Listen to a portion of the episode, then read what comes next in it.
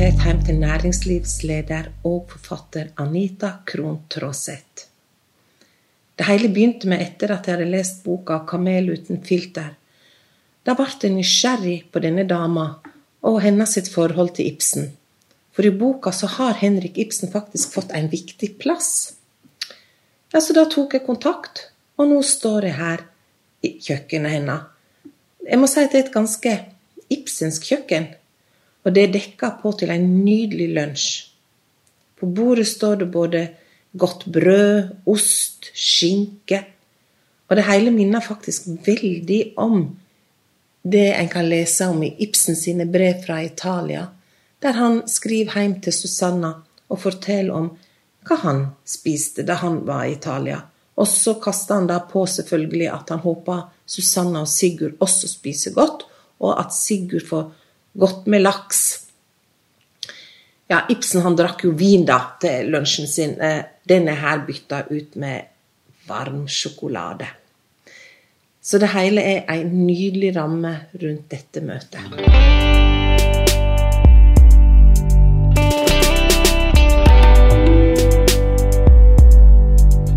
For den hadde jeg ikke. Oi, Ja. Så nå kan du virkelig lese det kronologisk. Nå, for du sa det. Så jeg tar jo ordre, jeg, vet du. Så når noen sier at det er lurt Ja, men du er jo hekta på Ibsen, da. Jeg er jo forelska i ham. Jeg har en crush. Og hva er det for noe? Hva er det, er det Hva er det som Nei, gjør at du får en på et tidspunkt i livet eh, hvor han ga mening. Eh, og han ga mening via Kongsevnerne. Ikke de andre stykkene. Det var inngangen. Og så begynte jeg å bli nysgjerrig på hvem er denne mannen? Hva for noe mer har han skrevet? Og så etter hver ting jeg ser på, så syns jeg jo det er helt genialt. Og så relevant i 2020. Kongssemnene er jo et merkelig sted å begynne, Anita.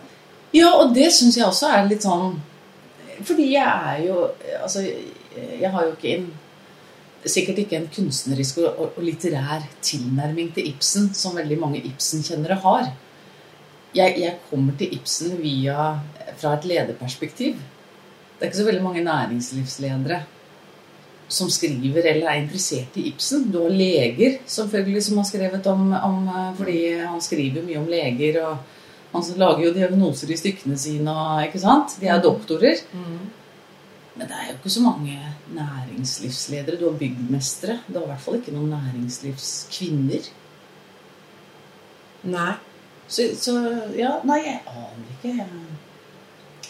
Nei, men det var, det var så, jeg ble introdusert for den i den settingen, og eh, det var det som trigget interesse. da. Så jeg har skrevet et eget kapittel nå i Svineboka 2, som kommer i mars, som heter 'Da jeg møtte Henrik'. Ai. Et eget kapittel om det. Mm. For du har jo skrevet en bok, så den har jeg lest flere ganger. Ja. Har du lest den flere ganger? Jeg leste den flere ganger, Oh, shit. og senest i går satt jeg og leste igjen. 'Kamel uten filter'.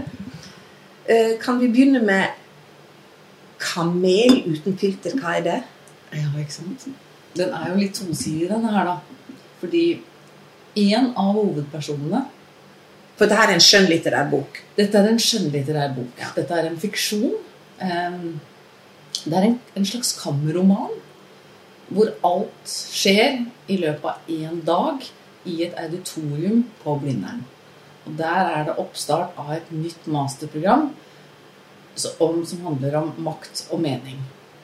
Og da følger man den første dagens forelesninger. Så man blir jo kjent, kjent med foreleseren. Eller skal den, da. Ikke sant? Ja, ikke sant?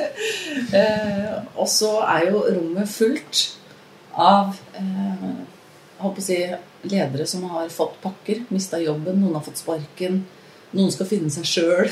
Det er jo ofte sånn man gjør når man melder seg på disse masterkursene eh, i voksen alder. Og vi blir kjent med to. Og helt, helt, helt eh, på øverste rad så sitter Hilde Skjæret. Også kalt Feilskjæret i mediene. og hun er rett og slett eh, en som har gått seg vill i sitt eget liv. Hun er 50. Um, hun har tatt noen beslutninger i løpet av livet hvor alt har handla om karriere. Hun er på tredje mann. Hun har ingen barn. Eh, og gjort det ganske bra i jobbene sine. Og så tok hun et skifte til en jobb som kommunaldirektør i Oslo kommune. Og der eh, tryna hun skikkelig. Og hun overlevde ikke et år engang. Så fikk hun sparken. Hva skjedde med henne? Mm. Og så nederst på første, altså de, blant de første radene så sitter en av Norges fremste gravejournalister. Brage O. Jensen. Han mista jobben nå. Han også. Halleluja. Ja. Han graver jo sin egen grav. Det blir, noe, det blir, ikke noe, pris på han. Han var veldig nær å innkassere eh, enda en pris for sitt gravearbeid. Men så er han også midt i livet og gjør feil. Og hva har skjedd? Så i løpet av denne dagen og denne forelesningen, i løpet av denne romanen, Kammerromanen, så blir du da kjent med disse to menneskenes skjebner. Og den som på en måte står på scenen og dirigerer og driver eh, hele handlingen, det er jo foreleseren. Og han foreleser i en helt annen ledelseslitteratur enn det du kanskje kunne forvente deg. da. Mm. Og han introduserer Ibsen og Kongsenderne og Machiavelli og mange andre. Og så har han noen gjester på besøk. Prester og psykologer og Veldig, altså, jeg kan jo ikke noe toppledelse, og det der Hildeskjæret jeg går igjennom, det, det, er jo en helt annen verden for meg da, enn som jobber på museum uh, og ikke er toppleder. Og må si at det frister jo ikke så veldig å bli toppleder når du leser Det er jo ikke en motivasjonsbok, er det det? Nei, det, det, ikke sant? det jeg har prøvd på her, da Jeg prøvde å gjøre et forsøk på å ikke gi svar. Jeg prøver å få fram noen aspekter eh, og kanskje noen historier fra noen nivåer vi sjelden hører om i skjønnlitteraturen. Mm. For i skjønnlitteraturen så blir vi jo kjent med arbeiderne. Det er veldig sjelden at vi blir kjent med lederne. Eh, og så snur jeg jo også Det er jo fiksjon, ikke sant? så jeg snur jo på en måte litt historier. Jeg skriver jo om, om situasjoner der hvor varslingsmekanismene våre blir misbrukt. Ikke sånn som vi leser om i avisene, hvor de som varsler, er helter og sier ifra, og det er viktig for å rydde opp i samfunnet. Her skriver jeg om den negative, sorte siden av varsling, hvor det også blir brukt i maktspill for å fjerne folk. Mm. Og det, det, fikk jeg jo litt sånn tilbakemelding på at ja, men det var jo ikke realistisk. Uh, I Aftenposten så hun som, som skrev anmeldelsen der, uh, hang seg veldig opp i det. At, at det... Uh, nei, altså Dette her er ikke det, Dette her med varsling og på leder og det, det er ikke sånn det skjer. Å nei. så jeg tenkte det var fint at hun skrev om det. Fordi det forsterka mitt behov for å fortelle om den siden. For hvis man tror at disse tingene ikke skjer i norsk arbeids- og samfunnsliv, um, så er man naiv. Det er fint å være naiv, men uh, Ibsen er jo ikke naiv. Han vil jo få fram alle disse forskjellige sidene med oss. Ja, og så leste jeg Jeg husker ikke hvor, så det er helt dumt å snakke om, men jeg leste ja. et sted at det var noen som mente at det, det, var litt selvbiografisk, dette her, og her brukte du det sjøl. Og så gikk du ut og sa nei, dette her er en uh, fiksjon. Mm. Og akkurat det er det jo Ibsen sier òg. For det er mm. noen ganger så sa folk til Ibsen at ja, men du sa sånn og sånn. Mm. Og så sa Ibsen nei, det har jeg aldri sagt. Hvor sa jeg det? Ja, i en folkefiende så sier du at Ja, men det var jo doktor Stockmann som sa, sa Ibsen da, ikke sant? Og det er jo, det er jo litt det der at det du skriver, er, det trenger ikke være Anita som snakker gjennom Brage og snakker gjennom Hilde. Det er jo Nei, og jeg, jeg, jeg tror nok at en, en, forfatter, enten du er skjønnlitterær eller uansett hvilken kategori, så må du bruke deg selv. Ellers så blir ikke det du skriver, bra. Men jeg syns Jan Kjærstad hadde en veldig fin forklaring på dette her. Han, sier, han snakker om en tredeling.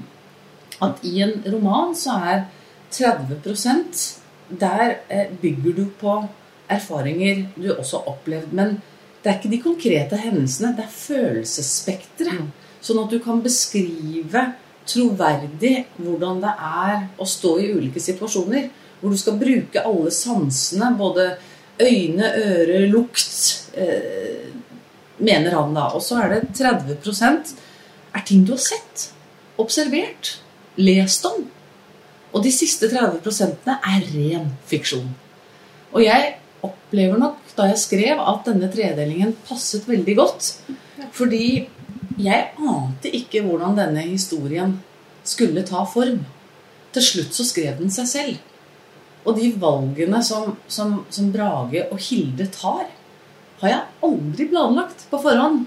I en slags disposisjon at dette skal skje. Jeg lot det få skje.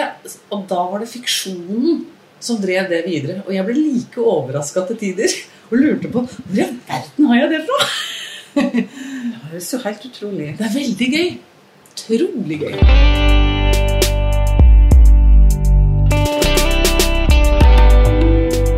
Første skrev jeg i 2014. Det er syv år siden i 2021. Og det er en, altså tilhører sakprosa-kategorien. Det er en slags biografi.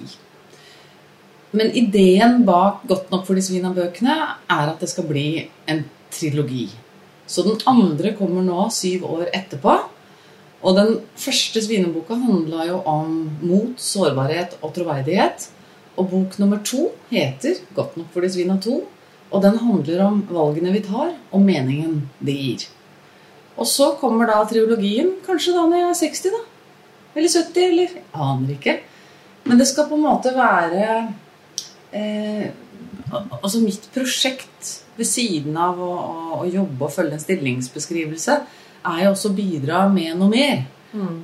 Og i og med at situasjonen er sånn at det faktisk fortsatt er veldig få kvinner som er eh, øverste ledere, og som tar hele lederveien, så, er, så har jeg lyst til å dele min ledervei mens jeg leder. Ikke i en bok 30 år etterpå, i en annen tid. Jeg vil gjøre det mens vi er her. Ja, ikke memoarer. Um, og da må man dele på godt og vondt. Da må det ikke bare være 'se alt jeg har fått til'. Se også hva jeg har strevd med. Se hvilke valg jeg har stått i. Se hva jeg har angra på. Ikke for noe annet enn å kanskje kunne motivere til å ta At du reflekterer over dine egne valg. da. Så hvis du generelt er interessert i biografier og lese om andres menneskers liv, så kan du det. Fordi svinebøkene er ikke fagbøker for ledelse. Det er skrevet i et annet format enn rene fagbøker. da. Så jeg håper å, motivere flere unge kvinner til å våge å ta lederroller. Eh, da bør ikke dere lese om Hilde Skjære, da? Jo, for det er også en del av det. Fordi den boka måtte komme. Og jeg kunne ikke skrive den i sakprosa. Fordi det jeg hadde på hjertet, krevde et annet format. Og, det, og så var det jo også en eh, Det var veldig moro å prøve det skjønnlitterære formatet. For det er noe jeg på en måte har lest meg til. Jeg har gått på kurs. Så jeg har jo gått på skrivekurs hos Jan Kjærstad, jeg har gått på digitalt skrivekurs hos Margaret Atwood. Jeg har brukt tusenvis av timer på å skrive dette her. Eh, og, og, og, det gir altså så mye glede. Det blir ikke den siste romanen.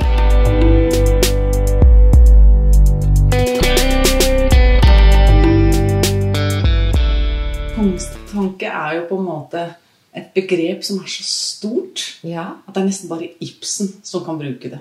Ikke sant? For alle oss andre så blir det, det, det blir så stort å forholde seg til. Og jeg skal love deg at som leder, hvis du snakker om kongstanker, så blir du fullstendig latterliggjort.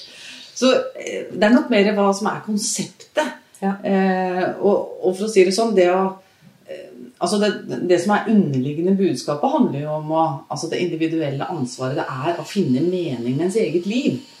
At de timene du putter inn i arbeid, eller de valgene du, du tar, da, hvis de gir deg en mening, eh, så trenger du ikke å forholde deg til hva andre mener om deg. For da har du drevet av det. ikke sant? Du driver med det du holder på med fordi det, det gir deg noe. Mm.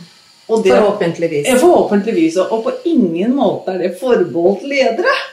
Men det som er det som, er, eh, det som jeg tror kanskje Ibsen sier, da, er at når du først nå eh, skal ha et lederansvar, da, hvis du har lyst til å bli konge eller ta dette lederansvaret Eller dronning. Eller dronning. Eller Ja, eller dronning.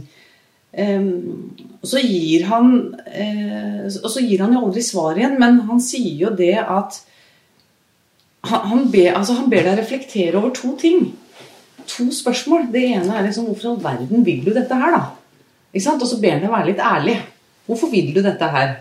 Uh, og det andre han spør om, er Hvorfor skal noen i det hele tatt gidde å høre på deg? Hvorfor skal noen gidde å følge deg som leder? Uh, og Det er liksom forskjellen mellom Håkon og Skuli. ikke sant? At de, begge to er jo kjempegode på sine områder. Men den ene har noe den andre ikke har. Uh, og det er ikke sikkert at den som har det, engang skjønner det selv.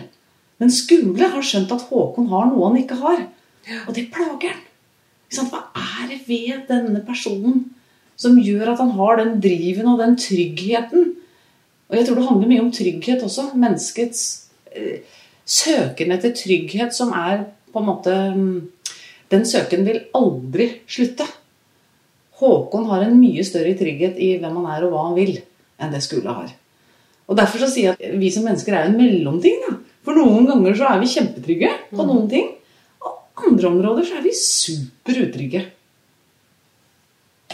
Ja. Ingen er perfekte. Jeg tror at for å bli trygg, da, og, og, for å få ny innsikt, så må det faktisk litt smerte til. Ja. ja.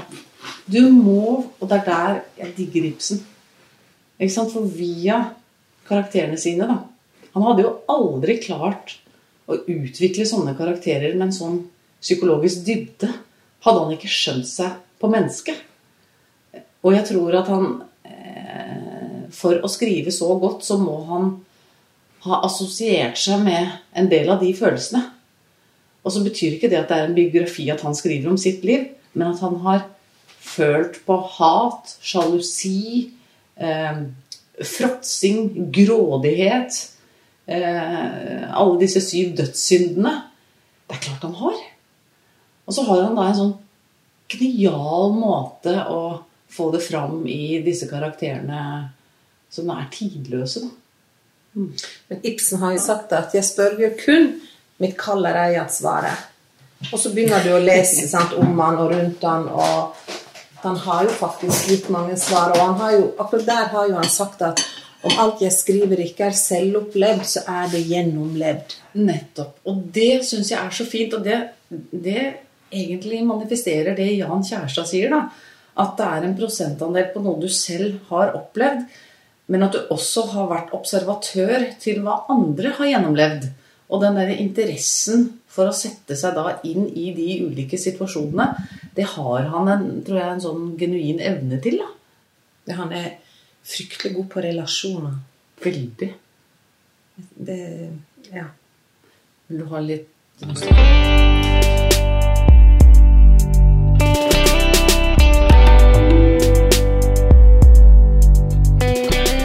Men du er klar over at det er veldig mange av de navnene i, um, i Kamel uten filter Så jeg ikke fikk svar på hvorfor kamel med filter, da. Ja. Eller uten filter. Men, ja. Oh ja, det må jeg svare på. Ja, for du har jo Sigurd. Ja. Og det er jo sønnen til Henrik Ibsen. Ja. Og så er det Bergljot. Det var jo svigerdattera til Henrik Ibsen. Ja. Um, og så er det Hilde. Men hun ble Bergljot. Hun er bygget på deg, for da jeg traff deg Jo, men det må, det må, dette skal med i podkasten. Første gang jeg var på omvisning i Ibsen-museet i Arvins gate, så traff jeg deg, og du da fortalte om Ibsens hjem. Og da når jeg satt og skrev, og jeg skulle finne navnet på en tillitsvalgt som virkelig var en sånn god, flott tillitsvalgt, så tenkte jeg at det må bli Bergljot. Og det bare kom. Så den, du er oppkalt etter kamelens Bergljot. Um, og Kamel uten filter, ja.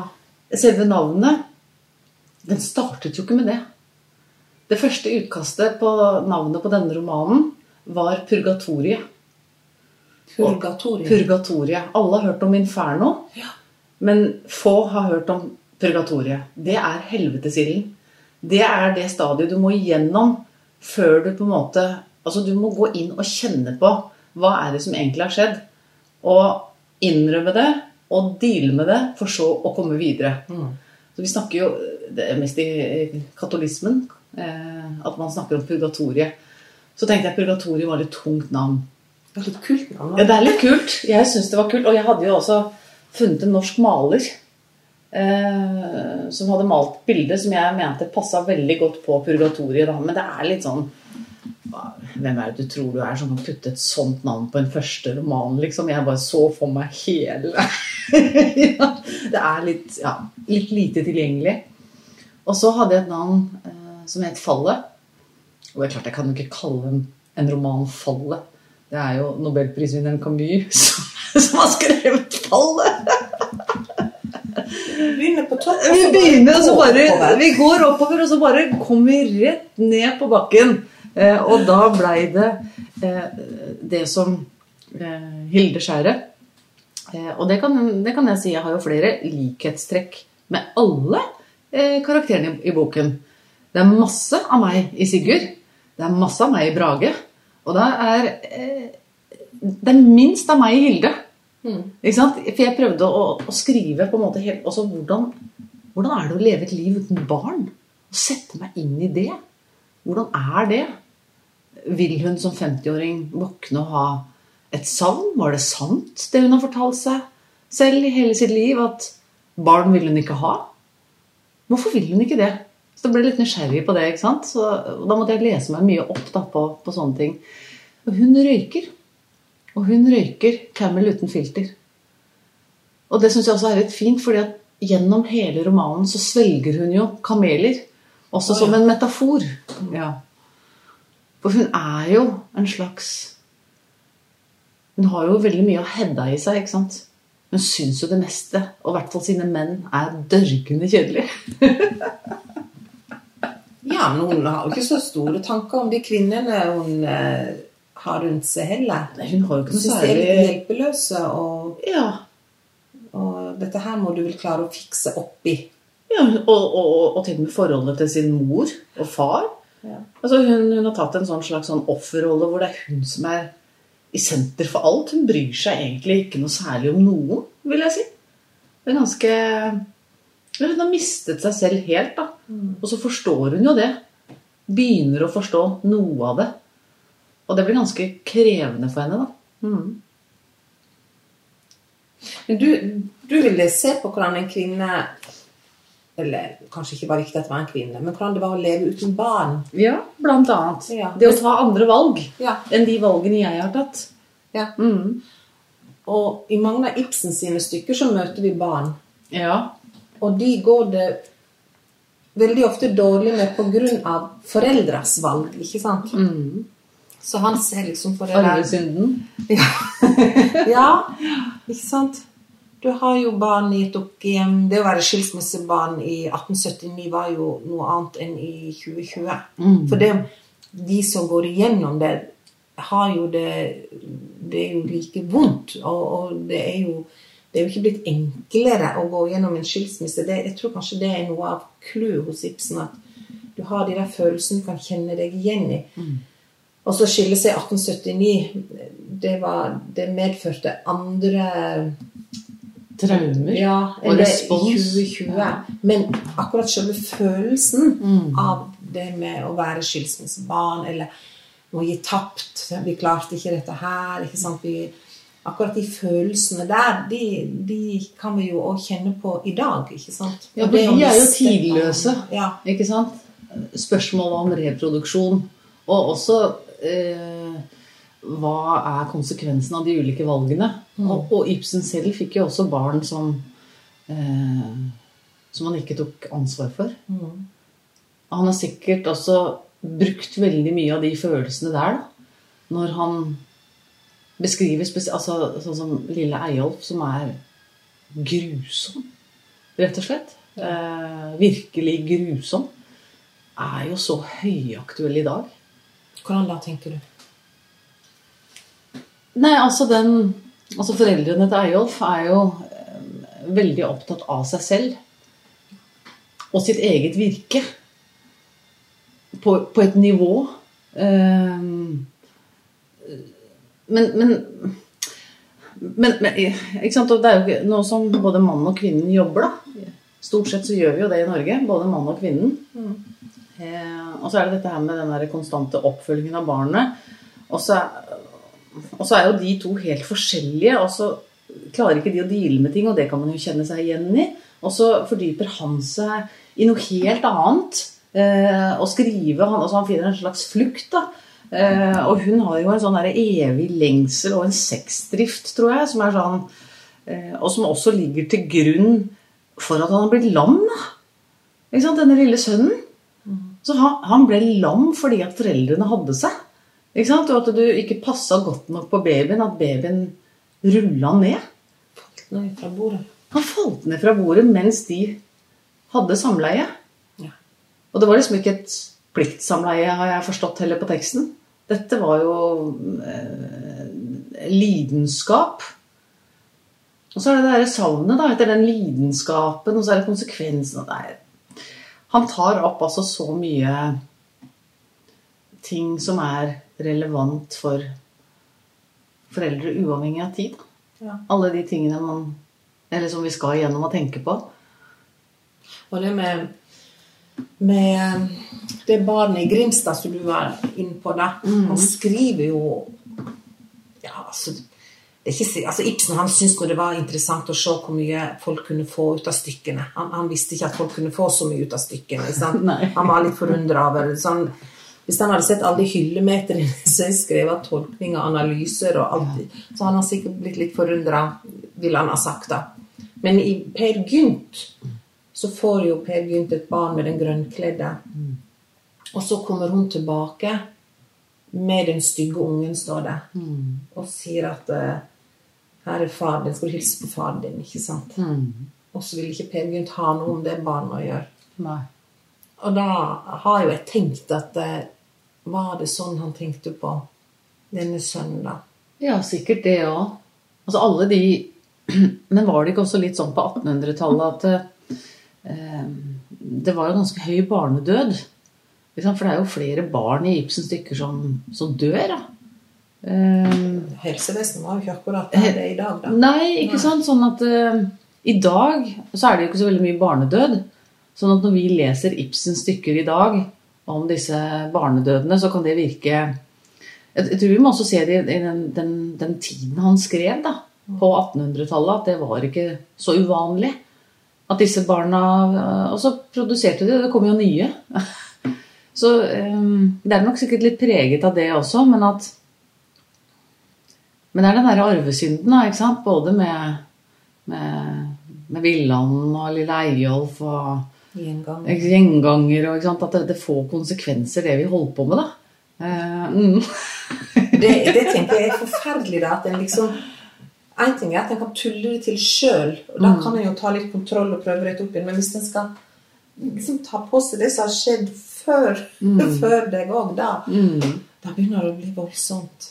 Ja, men på en, på den annen side, hvis du skal ta på deg og, og assosiere med alt det som har skjedd bra tidligere, så må du også ta ansvar for det som, som er mørkt. Ja, må det. Ikke sant? Og det er det jeg liksom syns Ibsen er en veldig noen god eh, talsmann for. da.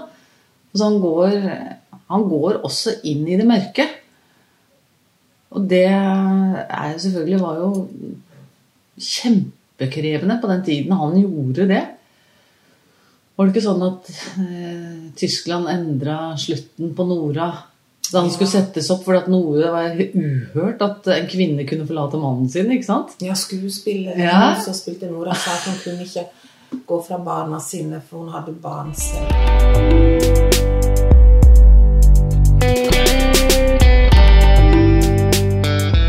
Du er jo veldig inne i Ibsen, det skjønner jeg. Og det her er jo selvfølgelig et forhold som starta da du var tre år gammel. Var et lite barn og elska Ibsen høyt og inderlig. Og kunne proklamere Terje Vigen i juleselskap seks år gammel. Ja, nei, tenk Nei. Jeg er vel så langt unna. Ehm, Jeg er nok ehm, Jeg er vel kanskje en av de som kan minst om Ibsen av de som er interessert om i Ibsen. Altså, Jeg har jo på en måte nettopp blitt kjent med han. Altså, Vi er jo alle nordmenn som går på skoler her i landet, har jo på en måte Ibsen, men da blir det oppfatta mer som hva skal jeg si, tvangslitteratur. Det er liksom en del av ungdomsskolen og videregående. Du skal gjennom et dukkehjem, du skal gjøre analyser. Og i hvert fall på den tiden så var ikke jeg spesielt interessert i det. Jeg, jeg husker at jeg syntes det var kult med Nora, som var selvstendig og tok valg og gikk. Det husker jeg. Men jeg husker også at tekstene hans var krevende og vanskelig å forstå. Um, og jeg er litt usikker på om det er Skal det være forbeholdt faget norsk å introdusere Ibsen? Jeg, vet ikke, fordi at de Ibsen er så veldig mye mer enn akkurat analyse av hvordan han skriver og hva de ulike ordene betyr. Da, for det er det vi satt og, og, studerte da vi var yngre. Men han kunne vært like relevant i historie og i samfunnsfag. Så ja, men jeg, jeg kan ikke si at jeg var ikke noe spesielt begeistra for han. Eh, det var, ja, hva skal jeg si, tvangslitteratur i ungdomstiden som konkurrerte med russetida. Eh, hvor det var helt andre ting som eh, Det var helt andre dikt som ble proklamert. Var det noen av de òg? Russesanger. Ja. ja. Men du har jo barn nå, og de er jo Mm. begynt å bli store. Mm. Og de har jo kanskje vært gjennom Ibsen. Har du følelsen at de har samme forhold til Ibsen som du hadde? Ja, jeg tror kanskje det, altså. Eh, nå har de jo fått litt Ibsen hjemmefra her, da. Mm. Eh, og også i den siste boka mi. Men det er klart, mine De to eldste kan lese 'Kamelen', men hun minste er fortsatt bare tolv. Og, og 'Kamel uten filter' er nok litt krevende for hun på tolv. Eh, Ennå. Heldigvis. Men, men jeg har jo forstått at alle de diskusjonene vi har hjemme da, ikke sant, om Ibsen og, og Mine jenter har jo alltid vært invitert til um, 8. mars-arrangementer jeg har hatt. De, de har vært med på teater. Så jeg har jo på en måte introdusert de kanskje til en litt annen verden enn enn den jeg ble introdusert for selv da, Ja. på 70- og 80-tallet. Mm. Og så vet ikke jeg om det forplanter seg i en større begeistring for kunst og kultur enn det jeg hadde. Men man kan jo bare håpe da at de får innsikt i det kanskje litt tidligere enn det jeg gjorde. Men, men det, det spiller egentlig ingen rolle i forhold til Ibsen, Ibsen, fordi at han kan treffe deg når som helst i livet eh, og gi deg noe. Enten du er eh, eh, 40 Jeg var jo i begynnelsen av 40-årene, nå er jeg snart 50, så jeg har jo kjent han noen år nå, men føler at det er Altså bare den boka som jeg har foran meg her, eh, hans samlede verker Den skal jo leses kronologisk. Jeg har jo ikke gjort det. Eh, men de setningene som står her, kan jeg lese om og om igjen, og så gir de forskjellig betydning. Og de gjør det fordi at jeg som leser er på et annet sted hver gang jeg leser. Og det er noe som jeg syns er som kanskje kjennetegner tekster av klassikere og kanoner, da, som Ibsen og Shakespeare og Dante og Machiavelli og hele gjengen, at de, det er noe ved de tekstene som, som er udødelige, da. Mm. Mhm. Ja, for jeg opplever når jeg leser en Ibsen-stykke, så går jeg inn i en sånn boble. Ja. Altså, alt, eh, alt rundt meg blir farga av det stykket. Det høres helt rart ut, men det er ganske vanskelig å forklare. Men eh, når, når jeg leser Rosmersholm, så kan alt blir farga av én stemning. Mhm. Og, og lese Kongssønnene, så jeg syns det er et råkult Jeg synes det er et kult stykke. Han har så masse kule replikker der. Mm. og så liksom bare sitte Det gjør jo alle Ibsen sine, der, men jeg, jeg syns han er veldig sånn skarp i Kongssønnene ofte. Der han, han skulle si at han må ha noen som kan følge han, sant? være ved hans side natt og dag. Og han må ha en sånn Og så kommer hun tørst fra skallen. Skaff dem en hund, herre. Jeg syns det er så kult. Det er Veldig kult. Og det, og det er liksom de, 1863. Jeg syns det bare Yeah, ikke sant? Og der er det jo han som snakker til seg selv, ikke sant? Og det, det å være Ibsen, da, å ha den fulle og hele dramaturgien som forfatter, og ta alt det du har i hodet, både som av egne erfaringer, andre, erf- andres erfaringer og fiksjon, og plassere det inn i disse ulike karakterene, og det å få fram mangfoldet Og på et tidspunkt så begynner du å helle litt mot én karakter, og så plutselig så skjer det noe som gjør at du er mot en annen karakter. Og så Altså, han er så gåtefull, da. Ehm, Jeg vet ikke. Jeg, syns han er superinteressant. Virkelig. Mm. Men nå har vi jo sagt et par ganger det der med å lese det kronologisk, og det er jo ikke bare jeg som har sagt det. Jeg sier det jo fordi at Ibsen sjøl har sagt det, at mine stykker bør leses kronologisk.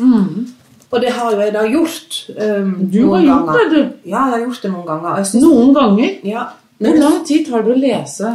Hvor lang tid bruker du på å lese gjennom samlede verker? jeg er en speedleser. Så, Ja. ja.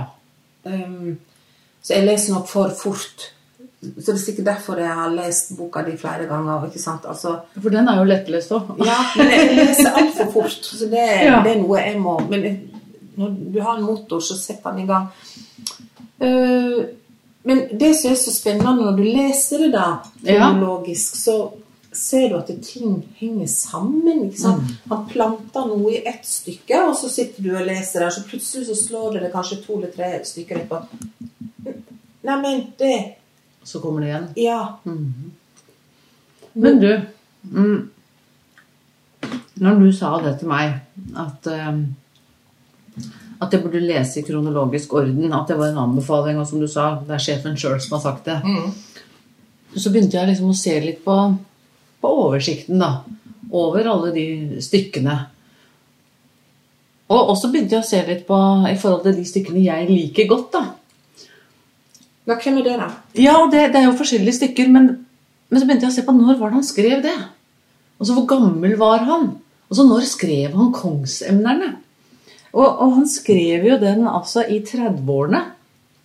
Ja. Og vi diskuterte jo også litt dette her med at den, den, eh, den derre kontinuerlige konkurransesituasjonen mellom han og Bjørnson. Og så spør jeg deg, er det kan det ligge noe til grunn her, som en sånn trigger også, inn mot Håkon og Skule og de karakterene han har putta inn? da? Fordi eh, han skrev jo Per Gynt også. Så det virker som om da, i 30-årene, så er vi jo på et visst sted i livet. Ja. Og det syns jeg Per Gynt og Kongsemnerne eh, fanger opp. Og så plutselig så kommer han i 40-årene, da. Da kommer et dukkehjem. Da er han mer voksen. Og så i 50-årene så er han jo i, midtli, i midtlivskrise, holdt jeg på å si, eller midtlivssituasjon. Da kommer fruen fra havet. Og så helt på slutten av 60-årene så kommer dette lille, vakre, forferdelige lille Eyolf. Så når jeg liksom ser på hva har beveget seg fra liksom Per Gynt og dette å bli kjent med seg sjøl og det å finne ut av liksom meninga med livet og hva er kongstanken, og så går han inn i de nære forholdene med familie. Kanskje sine, Da har han jo erfaring med egne ekteskap og relasjoner. altså Han blir jo mer og mer relasjonell. Han blir jo mer og mer personlig etter hvert. da.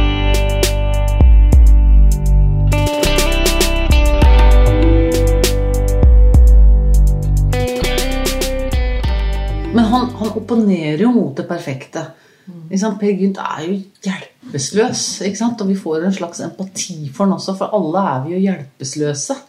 Så vi kjenner oss jo igjen i han. Mer enn i Brann. Ja, men jeg kan også kjenne meg igjen i Brann i dette her med idealet, da. Ikke sant? Om at eh, Alt eller intet. alt eller intet. ikke sant? At du, du får gå all in. Ikke sant? Men jeg syns fortsatt at det er eh, Koste hva det koste vil. Ja, for det, jeg, jeg kan, vi ser jo det i samfunnet også. Hvis, altså, vi ser jo eh, Hvis Per Gynt da, er fasaden Alt skal liksom, liksom komme med de historiene. Han har kjøpt det og det selskapene, han har gjort det, han har hatt seg der han har, Hvis du ser på Exit, da, denne dramaserien på NRK ikke sant? Fantastisk. Det, det, altså, det er ganske mange Per Gyntere der. Ja. ja. ja. Men, men det er jo også brann der, skjønner du? Det er jo det går jo Det går jo gærent. Det er jo sort eller hvitt. Kombinert med eh, hensyns... Altså, det som er felles for disse to, er jo denne hensynsløsheten, da. Dette fokuset på seg selv, som er så inderlig gjenkjennelig for oss alle. Brann vil ikke være enig med deg der at han har fokus på seg sjøl. Det har han jo. Han er jo verst i klassen. Tenker jeg. Og det er noen forferdelige scener der i Brann. Altså når barna, vet du hva Ja. Når de er syke, vet du hva da, Og legen sier at du må flytte herifra. For det, det er ikke bra for det barnet å være her. Så gjør han det ikke. Da tenker jeg at da tenker han på seg selv. Fordi at det passer ikke hans ideal om hvem og hva han skal bruke sitt liv til. Han tar ikke ansvar for de som For familien sin, da. De, de, får, de, får, de får bare dø, de, på veien. Det var Guds vilje. For de som tror på sånt. Men at jeg sitter her med et Ja. eh, Det her har Ibsen skrevet i brev, da. Mm. Nå er vi tilbake til kongsemnene, ikke sant? Og Der har vi skole. Nå har vi snakka mye om kongsemnene. Kanskje ikke alle som har lest kongsemnene. Jeg vil tro de ja. færreste har lest kongsemnene. Um, men kongsemnene skrevet i 1863, og det er altså det siste stykket Ibsen skriver før han flytta utenlands. Og det er, det er et av de stykkene som er med på denne nasjonalbyggingen av Norge. ikke sant? Og han går tilbake til historien og, og skriver om skole og Håkon. Og skole han, er, han syns jo han skal bli konge. Det er jo hans sin tur til å bli konge. Han er neste i rekka. Men så kommer Håkon, da. Gypling, ung jypling, og har dette. Vi har snakka om kongstanke, og det er faktisk et Ibsen-ord. Det er han som etablerer det begrepet. Ja. Og, og Håkon han vil da eh, at Norge skal altså Ikke bare landet skal bli et, men folket òg skal føle seg, ikke sant? Eh, som nordmenn alle sammen, da, og ikke trøndere og bergensere og sogninger og alt dette her. Også Håkon masse selvtillit, og så begynner jo Skule å tvile på seg sjøl. Og da er det jo Da ser vi jo nesten sånn at Ibsen ser seg sjøl i skole, tvileren. Og det er jo skole han skriver mest om. Det, altså, vi får ikke vite så mye om Håkon. Det, det, vi går mest inn i skole. Det er et genialt valg av navn. Å skule på noen andre. Ja. Jeg syns det er Men så skriver da Ibsen til en som heter Peter Hansen i 1870. Ja. Da skriver han dette at alle var imot meg, dette at jeg ikke lenger hadde noen utenforstående om hvem jeg kunne si at trodde på meg. Måtte, som du lett vil innse, fremkalle en stemning der fant sin befrielse i kongsemnene. Ikke sant? Ser du? Og det er en annen stor kunstner også har kjent seg igjen i skole, og det er Munch. Og jeg lagde en utstilling med Munch og Ibsen-bilder. Det var veldig, veldig spennende å gå inn og se hvilken mm, stykker Munch har valgt å illustrere til. da. Ja. Og blant annet så er det da eh, kongsemnene. Mm. Og Munch så seg sjøl veldig igjen i skole. Og, og syntes at uh, Håkon altså det, det var Bjørnstjerne Bjørnson, røde pave, eh, som gikk omkring der. Og den siste replikken i uh, Kongsemnene det er det Håkon som sier at skulle være Guds stebarn på jord. Og i en av dagbøkene til Edvard Munch så har Munch sjøl skrevet på skrått over en side Ja. 'Guds stebarn på jord'.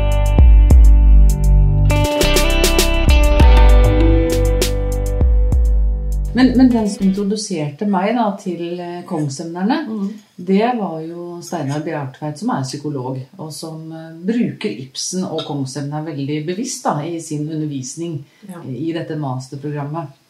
Og han, eh, han, han har skrevet noe som jeg syns er, er veldig fint. Han siterer Skule da fra eh, stykket, og så sier han eh, Skule sier Kan ikke et kongsemne ta kongsgjerning på seg som man tar kongskåpen på? Den er ganske fin.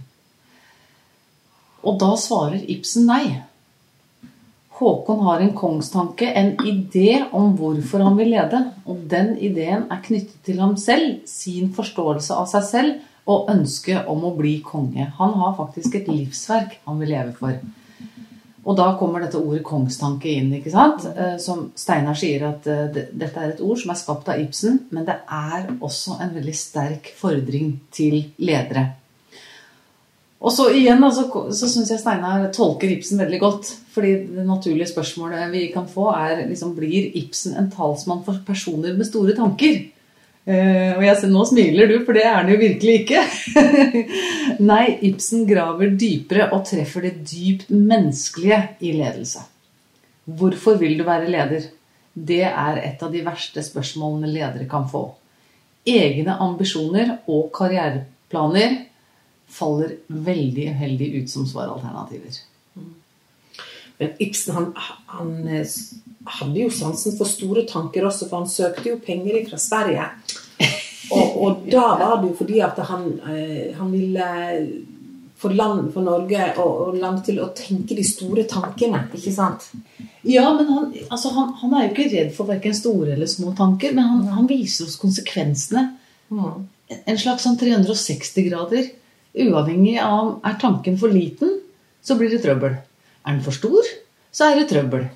Og, og, og, han gir oss jo ikke noe svar. Han lar oss jo undre hele veien. Men sånn som jeg leser den, så er det et veldig tydelig budskap om å ta ansvar for eget liv. Og å ta disse valgene selv. Ja, naviger og finn ut av at eh, for mye av det gode er ikke bra. Og for lite av det gode er ikke bra, det heller. Og det er ingen du kan se til som kan gi deg svaret på hvordan du skal gjøre dette her. Det er faktisk plikten og oppgaven og fryden og gleden ved å ha et liv. Mm. Ja, du er jo inne på de eller, så du kan dra ut det med frihet, ansvar ja. og valg. Ja, og, og jeg resonnerer jo veldig godt til det, for jeg tror jo på de samme verdiene som Ibsen. ikke sant? Jeg har jo veldig sansen for eh, eh for dette her med frihet under ansvar og det å ta egne valg og eh, kirkegård og Ikke sant? Jeg, eh, Nietzsche og Jeg tror veldig på dette her selv, da. Så det er nok sikkert litt avhengig av hva slags ståsted du har som menneske. Ja. ja. Og de kvinner Nå har ikke vi snakka sånn rent kvinneperspektivet hos Ibsen, da. Men de kvinnene han skriver om, de, de er jo grensesprengende. Ikke mm. sant? Altså, det er for trangt for Nora hun må ha litt større, større rom. Hedda er grensesprengende. Rebekka West Altså, det de eh, Jeg, jeg syns kanskje noe av det fineste med Ibsen er at han, han behandler kvinner og menn likt. Han viser, eh, han viser oss som hele mennesker, uavhengig av kjønn. Mm. At eh, det spiller ingen rolle om det er mann eller kvinne eller barn. Eh, du har destruktive sider, du har andre Altså du har storhet i det. Du har alle de momentene i det. Og at han så tidlig eh, satte kvinner i førersetet. Og også viste at kvinner også er hele mennesker eh, for så mange år siden. Det var jo på et tidspunkt hvor Altså da han ble født, så kunne jo ikke kvinner ta eksamen artium. Sånn at kvinners posisjon på det tidspunktet han skrev det, var jo helt annerledes i dag. I dag er det en selvfølge. Men eh, altså hva han har gjort for likestilling, det må jo være ja, Hvem andre har gjort mer enn en han Der ville jo han kanskje vært uenig med det. Han sa ja. jo det at uh, han skrev ikke om kvinnesak, han skrev om menneskesak. Ja, men det er det jeg mener. Det er det han gjør, da. Mm. Han skriver om menneskesak, men men, men, fordi at situasjonen er sånn at kjønnene i hans hode er likestilt, men i samfunnet han levde i, så var det ikke likestilt. Derfor så blir ofte det han skriver, tolka også som et viktig, viktig moment da, i likestillingssaken mellom kjønnene. Og det tenker jeg, det, det får bare være en sånn konsekvens han eh, sikkert ikke har tenkt på selv, fordi at han er et fritt og åpent menneske og liberalt og, og, behandler alle som mennesker. Men der var han både forut for sin tid, og han er det jo fortsatt. Det er jo fortsatt steder i verden hvor dette hvor det er uhørt at en kvinne kan forlate mannen. Ja, Du syns Ibsen fortsatt har en relevans? Ja, absolutt. Absolutt. Ja, for i, i Per Gynt så uh, blir det jo sagt at eh, han var for sterk. Det sto kvinner bak. ja, det er veldig kult. Så, så man får si altså jeg, vet, ikke hva slags prosjekt han har med det, ja, men, men bare det at han i så stor grad likestiller kjønnet, men også, også syns jeg juniorer og seniorer. da. Han har jo alltid med seg barn og ungdom og eh, mennesker i voksen alder og mennesker i godt voksen alder. Altså han, han speiler eh, mangfoldet på en veldig fin måte.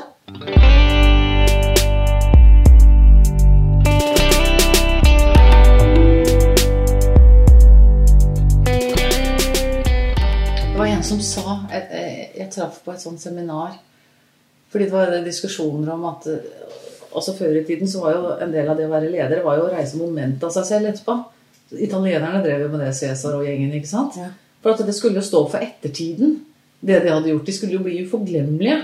Og da var det hun eh, sa da at La noen menn ha disse monumentene og, og, og skulpturene. Eh, ikke sant? Så tar vi kvinnene av oss framtiden. jeg syns det var så Og hun var professor. Jeg tror hun var 75 år eller noe sånt. Eh, Blås nå i disse statuene. Ikke sant? Det kan de ha. Det tilhører historien. Mm. Ja. Ja. Hva kommer til å stå etter deg, da, Anita? Um, Eller hva håper du skal stå jeg har i hvert fall reprodusert noen barn, da. og ført slekta videre. Ja. Eh, det Det, det syns jeg jo er en veldig fin tanke, jeg som mistet moren min veldig tidlig. At jeg har fått Ja. tre døtre. Det, for meg er det eh, Det har blitt en ja, Det syns jeg er en glede i livet, da. Mm. Å kunne ha den nærheten med mine døtre. I savnet av egen mor. Så syns jeg det er kjempefint. Og så har jeg jo på en måte skrevet og dokumentert mens jeg har prøvd å finne ut av dette livet her, da. Og prøvd å ta valg og gjort ting. Og det er jo dokumentasjon og bøker som mine oldebarn kan lese, da. Hvis de lurer på du, hvordan var hun derre oldemor Anita? Mm. Eh, og jeg angrer jo på det at jeg ikke utnytta bedre alle de timene jeg hadde med min bestemor. da. Bestemor Olga Krohn. Eh, For hun elsket jo å fortelle historier om familien. Og jeg var bare sånn passe interessert som ungdom. Jeg skulle så gjerne jeg skulle så gjerne at hun hadde skrevet ned det. da. Jeg syns, syns det er så interessant. Eh, Både dette her med arv og miljø. Men, eh, men ja, jeg etterlater meg i hvert fall noen bøker, da. Både sakprosa og skjønnlitteratur som ja, kanskje mine oldebarn kan lese. Og kanskje er det noe av det jeg har skrevet, noe de kan få energi av, eller kjenne seg igjen i, eller få en styrke av. Da tenker jeg det er godt nok. Ja.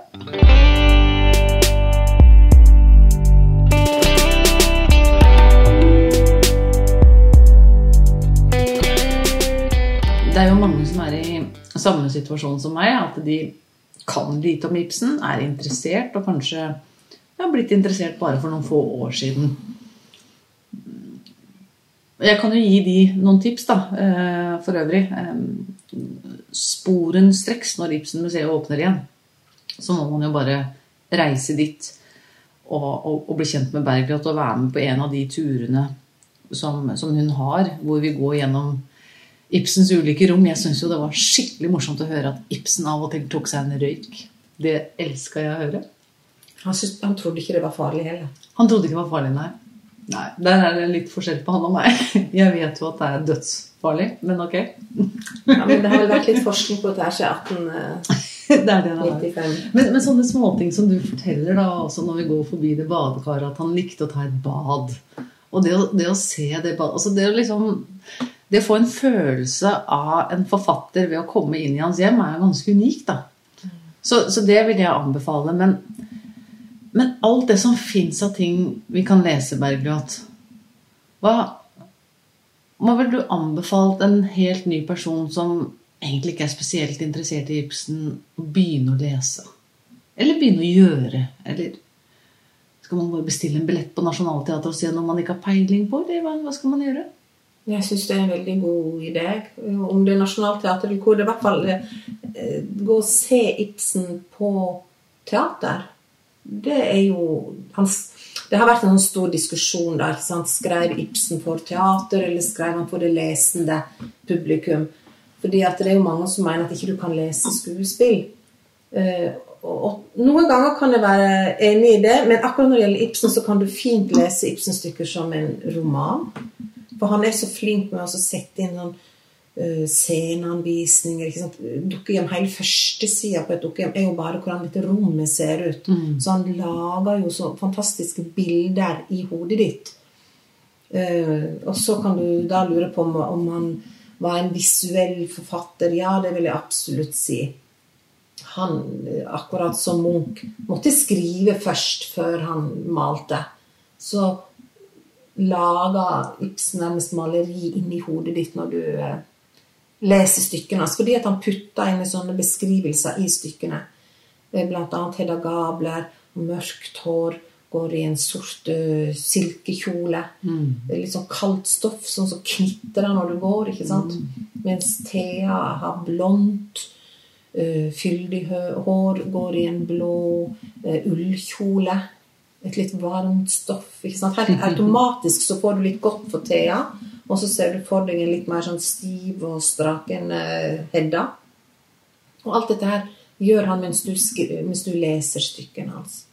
Så, så, det kan jo være lurt å begynne å, å gå på teater og se stykkene, eh, lese stykkene. Og, og, tenke har dette relevans for meg? For, det, for jeg syns ikke det er viktig å bare lese for å, å lese. Nei, du må jo ha en interesse, for det er jo også å lese klassikerne for å kunne diskutere de og kunne noe om de, fordi at det bør man gjøre, det tenker jeg er helt feil utgangspunkt. Ja. Jeg tror Ibsen blir du best venner med når du har lyst til å oppsøke ham på en eller annen måte. Ja. Um, å finne ut Har dette relevans for meg? Og så er det mange som spør hvilket stykke skal vi begynne med da?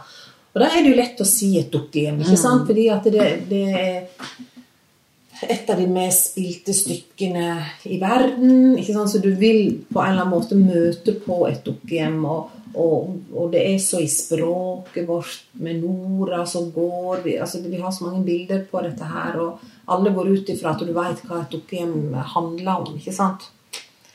Uh, så det er kanskje Mens jeg syns at Hedda Gabler er et fantastisk stykke. Ja, synes jeg jo. Men, men jeg syns også Lille Eyolf. Ja. Det er et ganske vanskelig stykke. Jo, men den oppsetningen som var med Kåre Conradi ja og Pia Tjelta. Jeg syns den var helt spektakulær. For meg så har på en måte Kåre Conradi blitt Han er Ibsen for meg. Altså, han er den beste til å Nå har jeg både sett den oppsetningen og også 'Fruen fra havet'. Og jeg syns hans tolkning og hans oppsetninger, og, og, ofte da i kombinasjon med Pia Tjelta da. Du vet, det er jo ofte sånn at uh, Altså, jeg husker bare Anne Marit Jacobsen i sort-hvitt ja. som Hedvig. Som liten. Og går rundt og er så trist eller? Ja, og for meg så var det Det var jo ikke noe sånn Dette har jeg lyst til å se på. det var, dette var rar TV for de voksne. Mm. Eh, mens, mens, det å se Kåre Conradi og Pia Tjelta i, i, i, i 'Fruen fra havet' eller 'Lille Eyolf' jeg vil si at det er en opplevelse, enten du ikke er vant til å gå mye på teater, eller du ikke kjenner Ibsen, så er det altså så spilt så godt, eh, og det kommer til å treffe deg på en eller annen måte, tenker jeg. Og kanskje det er det å finne det lille triggerpunktet som gjør at du blir nysgjerrig. Sånn som, sånn som, at Ibsen ble brukt som litteratur da, på et masterprogram for ledere. Ikke sant? Det var det som skulle til for meg. Det er relevans. Det er, liksom, det er relevans. Ja. Du må finne det triggerpunktet. Ja. Mm. Og det, det, det, det og jeg er ganske sikker på at du, du, finner relevans hos Ibsen på en eller annen måte. Ja, Hvis ikke, så lurer jeg på hva du egentlig driver med. okay. Han skriver jo om alt i livet. Ja.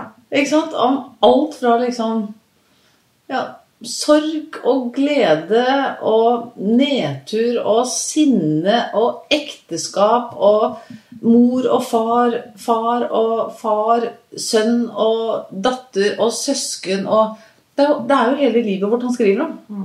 Alle relasjonene våre. Men det som du sier, at det er mange som har hatt om Ibsen når de gikk i ungdomsskolen og barneskolen, og, og da var de kanskje ikke på riktig sted i livet, ikke sant? Men, Og så men da har de på en måte bare fått den avstanden, og her og, og det går på at det, Nei, jeg skjønner ikke dette her, jeg, og nei, dette her er bare liksom Men um, det virker kjedelig eller Ja, spesielt ikke interessert. Eller kanskje Men jeg må si at uh, lærere i dag er veldig flinke. Veldig mange er dyktige og vil noe med Ibsen. Mm. sin. Vi har jo, det er jo en av våre største besøksgrupper. Det er jo videregående, og så er det ungdomsskole. Og jeg ser jo elever Altså det er veldig sjelden vi har elever som som jeg ser egentlig bare vil skrape på døra og komme seg ut derifra. ikke sant? For det er nok med at Når de kommer inn på Ibsen-museet, så har vi jo leiligheten, så du kommer hjem til Ibsen, og du kan lage det mennesket Ibsen, da. Men ungdom i dag er så oppegående, og de må ta stilling til så mye. Jeg tenker på hvor enkelt jeg hadde det når jeg vokste opp. Mm. Og i dag så skal de kunne det skal, det, Hele verden kommer jo inn på telefon, og alt, og, og, og alt blir dokumentert. De blir dokumentert hele veien. Av seg sjøl, av venner, av familie. av um, de, de står oppi så veldig mye så jeg heldigvis slapp. Og det blir jo så fort voksne. Veldig. Det hadde jo vært interessant å hatt Ibsen i dag og, og sett hvordan han hadde oppsummert Ja, hvordan, altså, tidsepoken som vi er i nå. da. ja. Med hans blikk hadde jo vært kjempeinteressant. Og du er jo veldig på eh, sosiale medier. Og det lurer jeg på hvordan Ibsen Om han hadde vært der. For han, han sa jo det at han kunne tenke seg å leve i 200 år til bare for å se hva som skjedde. Ikke sant? Han var veldig Hva er det som skjer utover her? Men Ibsen hadde nok kanskje vært en av de fremste på sosiale mediene. Fordi at han Han, han var jo ikke blyg. Han var en imagebygger, og det her er jo Ja, men det er det jeg mener. Hvis han var det, Mm. så er jo eh, sosiale medier en slags neste generasjons imagebygger både for bedrifter og enkeltpersoner som lever av det. Jeg tipper Ibsen ville både hatt et sånn morsomt skråblikk på det, eh, hvor han sikkert hadde tatt noen av disse influenserne helt far out i noen karakterer. Ja. Og så ville han kanskje ha gjort ytter, ytter, eh, det andre ytterpunktet igjen, da. For å vise hvordan det er når du har denne som aldri Denne personen som, som nekter å være med på sosiale medier, som graver seg ned i sko altså Skjønner du? Han ville vist oss ytterpunktene, tror jeg. Ja. Og så ville han sikkert ikke her ut av svare heller. Takk for at jeg fikk komme hit. Eh, takk for nydelig lunsj. Eh, så morsomt å snakke med deg. Jeg håper vi kan få det til en gang til seinere. Av en eller annen grunn. Du, det er en ære for en sånn Ibsen og Wiese og i det hele tatt diskutere dette med deg, Bergljot. Jeg gleder meg til at dere skal åpne museet igjen. Og jeg kommer til å komme fast og lytte og lære og, og skal lese videre og håper vi klarer å holde kontakten, fordi et, det er sånn Ibsen har først møtt den, så tror jeg da blir den der. ja.